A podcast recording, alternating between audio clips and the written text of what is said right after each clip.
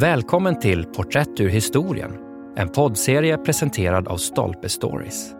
I 25 avsnitt får vi lära känna några av de personer som spelat viktiga roller i historien, men ändå glömts bort.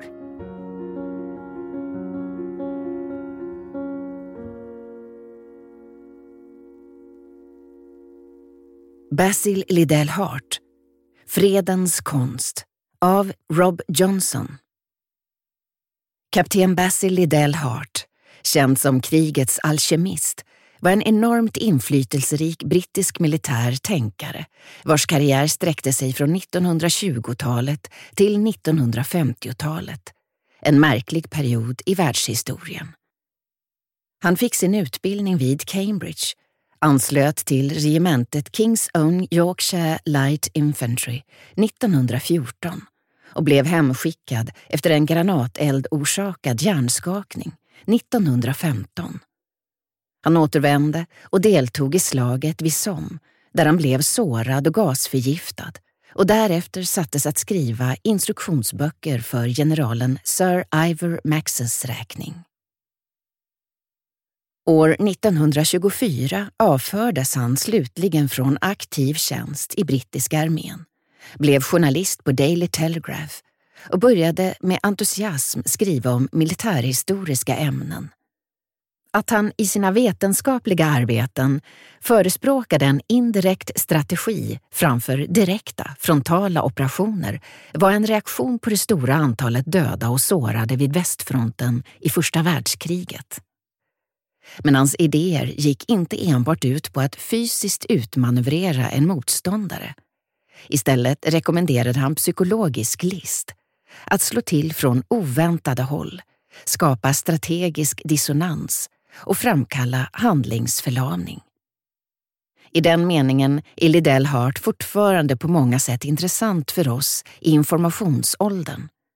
Hans arbeten påminner oss om att konflikt och konfrontation inte har inskränkt sig till fysiska hot och manövrer utan har förekommit i form av strategiska påtryckningar på en mängd områden.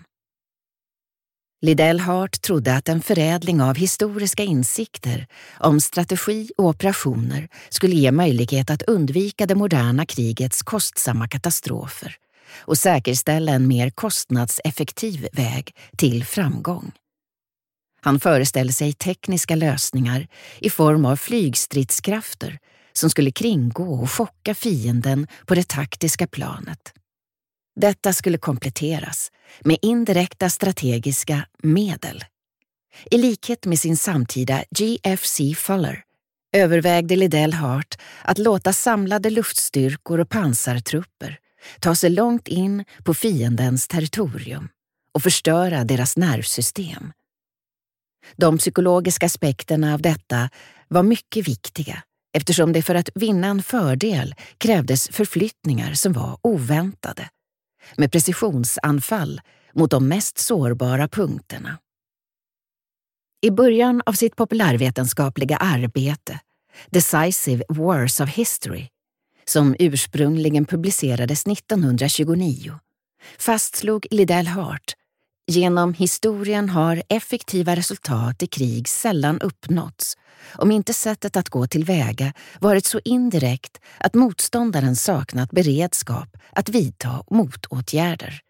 Den indirekta metoden har vanligtvis varit fysisk och alltid psykologisk. Hans berömda slutsats löd I strategi är genvägar ofta senvägar. Liddell Harts militärvetenskapliga bana kom att spegla förändringar i krigets karaktär. Från det hästdragna 1910-talet över det mekaniserade 1930-talet och jetdrivna 1940-talet fram till atomåldern. Han hade en stor bredd i sitt militärhistoriska kunnande. Hans framgång låg i hans förmåga att ställa sådana betydelsefulla förändringar i relief mot en tydlig och konsekvent bakgrund. Och att viktigast av allt, tillämpa denna historia på nuet. Han förutsätter sig att bli en berömd specialist i krigsvetenskap, något som hans kritiker inte varit sena med att göra sig lustiga över. Men det är värt att lägga märke till att Liddell Hart inte drevs enbart av ambition. Som förstahandsvittne till första världskrigets stora förluster av människoliv var han fast besluten att hitta metoder för krigsföring till lägre kostnad. Målet var alltid, slog han fast, att hos fienden framkalla tilltagande fysisk och moralisk överansträngning. Han skrev de berömda orden “Nationer krigar inte för krigets skull, utan för att fullfölja en politik”. Det militära syftet är bara ett medel för politiska ändamål. Följaktligen bör det militära syftet styras av det politiska syftet. Syftet med krig är ett bättre fredstillstånd, om så bara ur den egna synvinkeln. Således måste kriget föras i ständigt beaktande av den fred man vill ha. Liddell Hart ansåg, i likhet med många i sin generation, bland dem GFC Fuller, att krig som försatte landet i ett sämre tillstånd var bevis för ett strategiskt misslyckande eftersom strategi var konsten att fördela och tillämpa militära medel i syfte att uppnå politikens mål. Strategins konst handlar fortfarande om att uppnå viktiga politiska fördelar utan att ta till krig, eller åtminstone till minimal kostnad. Den aktuella konfrontationen mellan öst och väst via subtröskelaktiviteter, ibland omnämnda som gråzons eller hybridkrigföring, går helt i linje med Liddell Harts tankegångar. Liddell Hart tyckte att ett ekonomiskt perspektiv borde prägla utförandet av militära operationer. Demokratiska nationer måste föra krig på ett mer flexibelt sätt än auktoritära stater, resonerade han och göra allt som står i deras makt för att undvika onödiga förluster. Han menade att de mekaniska synsätt som han funnit i fastlandseuropeiska arbeten från 1800-talet och som fortfarande dröjde sig kvar under första världskriget hade påverkat generalerna, exempelvis de allierades överbefälhavare general Fors i sin antologi med axiom uppställda av världshistoriens befälhavare The Sword and the Pen 1978 har Liddell Hart med ett kort citat ur Fors Le Principe de la Guerre. Ingen strategi kan hädanefter överträffa den som strävar efter att säkerställa taktiska resultat, det vill säga seger genom strid. En strategi som banar vägen enbart för taktiska beslut. Det är den slutsats vi når fram till efter att ha trängt in i ett ämne som frambringat så många lärda teorier. Detta felaktiga tänkande, menade Liddell Hart i The Ghost of Napoleon från 1933, var följden av ett missförstånd som gick tillbaka till preussaren Karl von Clausewitz. Preussarna hade blivit chockade av hur framgångsrika Napoleons krigsmetoder var och Clausewitz hade försökt förstå dess mekanismer. Clausewitz slutsats var att den gamla manöverstrategin var utsiktslös mot den franska arméns direkthet, enkelhet, våldsamhet och energi. I slutet av 1800-talet hade denna tolkning förvånat franska officerare. Som, även om de uppskattade Napoleons inriktning på avgörande slag, flitigt hade använt manövre sur le dessier, en förflyttning mot fiendens bakre linjer. Liddell Hart stödde sig på de insikter som förmedlats av den mot sekelslutet verksamme franske generalen och militärhistorikern Jean Collet och utnyttjade dessa observationer till att stärka sina egna resonemang om hur man skulle undvika det auktoritära och germanska direkta angreppssätt som hade resulterat i så många döda och sårade. Liddell Hart gav företräde åt överrumplingen, manövern, det moraliska planet, det vill säga moral och psykologi och ville ställa fienden inför många olika möjligheter och därigenom framkalla tvekan, tvivel eller felaktiga beslut. Han gjorde även reflektionen att det, om tiden så medgav, borde finnas ett indirekt tillvägagångssätt med användning av andra nationella maktmedel. Däribland blockader, sanktioner. I sitt arbete från 1929 resonerade han som följer. Dess tillämpning på problemet med normal krigföring betingas av faktorerna tid, rum och styrka. En blockad är till sin natur mer långsamt verkande än en förvirringsstrategi. Om det nationella läget således gör ett snabbt avgörande påkallat framstår det senare som mest lämpligt. Men om inte målet eftersträvas med hjälp av en indirekt metod kommer genvägen troligen att visa sig vara långsammare, dyrare och farligare.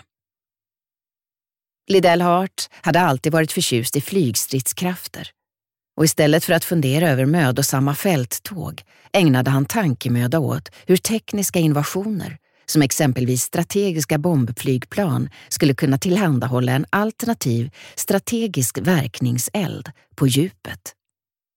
På 1940-talet blev denna strategiska bekämpning av mål bakom frontlinjen en uppgift för flygvapnet som skulle isolera fiendens stridsformationer och skära av dem från tillförseln av nödvändiga stridsförnödenheter.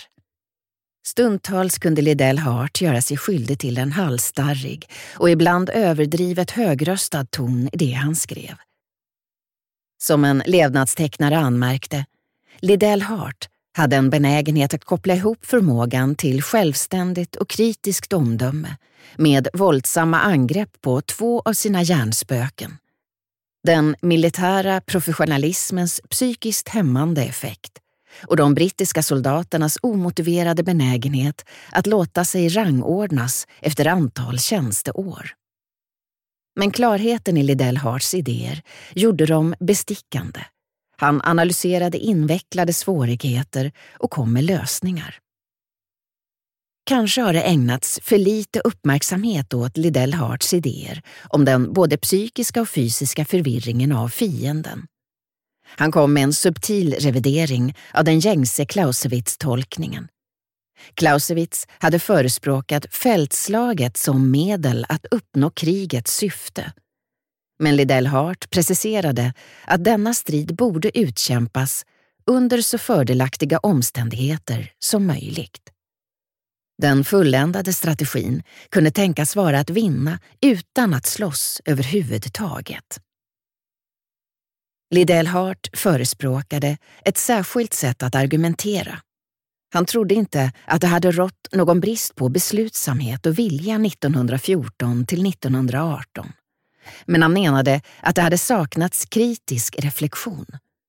Hans sökande efter en allmän strategisk teori fick honom emellertid att förbigå de specifika omständigheter som hade gett upphov till det direkta tillvägagångssättet och förbise de fall då det varit nödvändigt, exempelvis landstigningarna under D-dagen 1944. Som Azargar har påpekat hade han också en benägenhet att tona ner de ekonomiska och sociala begränsningarna i varje tidsperiod till förmån för ett rent operationsinriktat perspektiv där misslyckanden istället tillskrevs felaktiga beslut.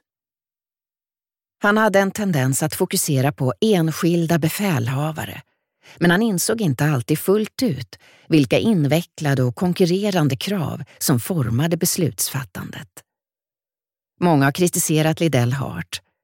Spencer Wilkinson, som var Chichely-professor i krigshistoria vid Oxford, tyckte att Liddell Hart missbrukade Clausewitz. Det som Clausewitz ville förstå var krigets natur och det kan tänkas att Liddell Hart, som upphovsman till militärdoktriner, var inriktad på ämnets tillämpade aspekter och därför såg brister i Clausewitz betoning av direkt fokuserad och koncentrerad styrka. I en tidskriftsartikel skriven som ett svar till Liddell Hart 1927 resonerade Wilkinson på följande sätt. Det krig som har som mål att nedkämpa fienden genom att tillintetgöra hans styrkor är en framgångsrik stats krig. Han antydde en kritik av indirekta metoder när han fortsatte. Det krig som försöker begränsa sina mål och därför sina ansträngningar är den besegrades krig.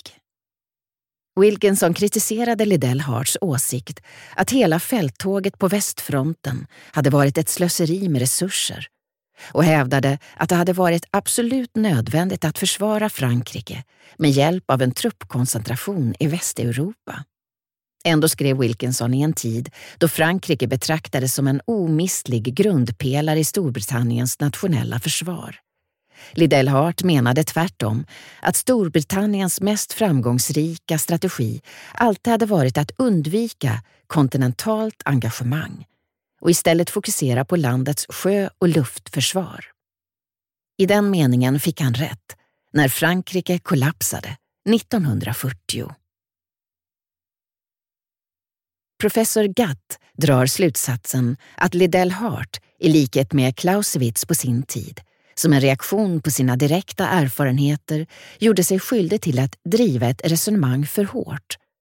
Skillnaden mellan dem var nog bara att den ene i det totala krigets gryning hade manat sitt land till en nationell insats på bred front, medan den andra, hundra år senare, bevittnade det totala krigets kulmen och predikade återhållsamhet och en återgång till manöver-krigföring. Det är en läglig påminnelse om att strategiska begrepp inte kan inskränkas till enskilda lösningar och att varje tid kräver att tonvikten läggs vid nya saker. Hur som helst är det värt att på nytt uppmärksamma Liddell Hart, inte bara som förespråkare för manöverkrigföring, utan även som förkämpe för ett demokratiskt sätt att förhålla sig till kriget. Ett sådant krig förs med metoder som på bästa sätt utnyttjar psykologiska effekter och mekaniska resurser och använder alla till stående nationella maktmedel istället för att burdust gå lös på motståndarens starkaste fästen.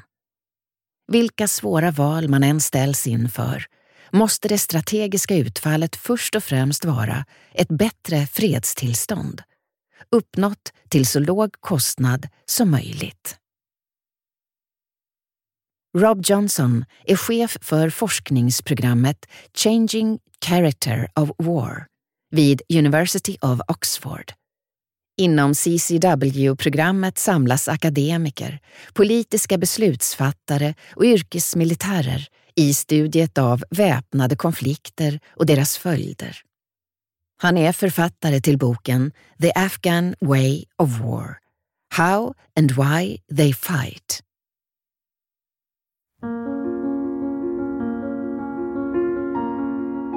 Du har lyssnat på poddserien Porträtt ur historien som presenteras av Stolpe Stories och inläst av Mimmi Kandler.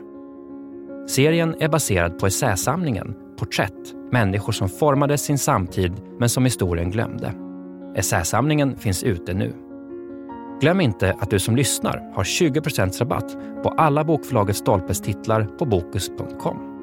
Ange rabattkoden STOLPE20.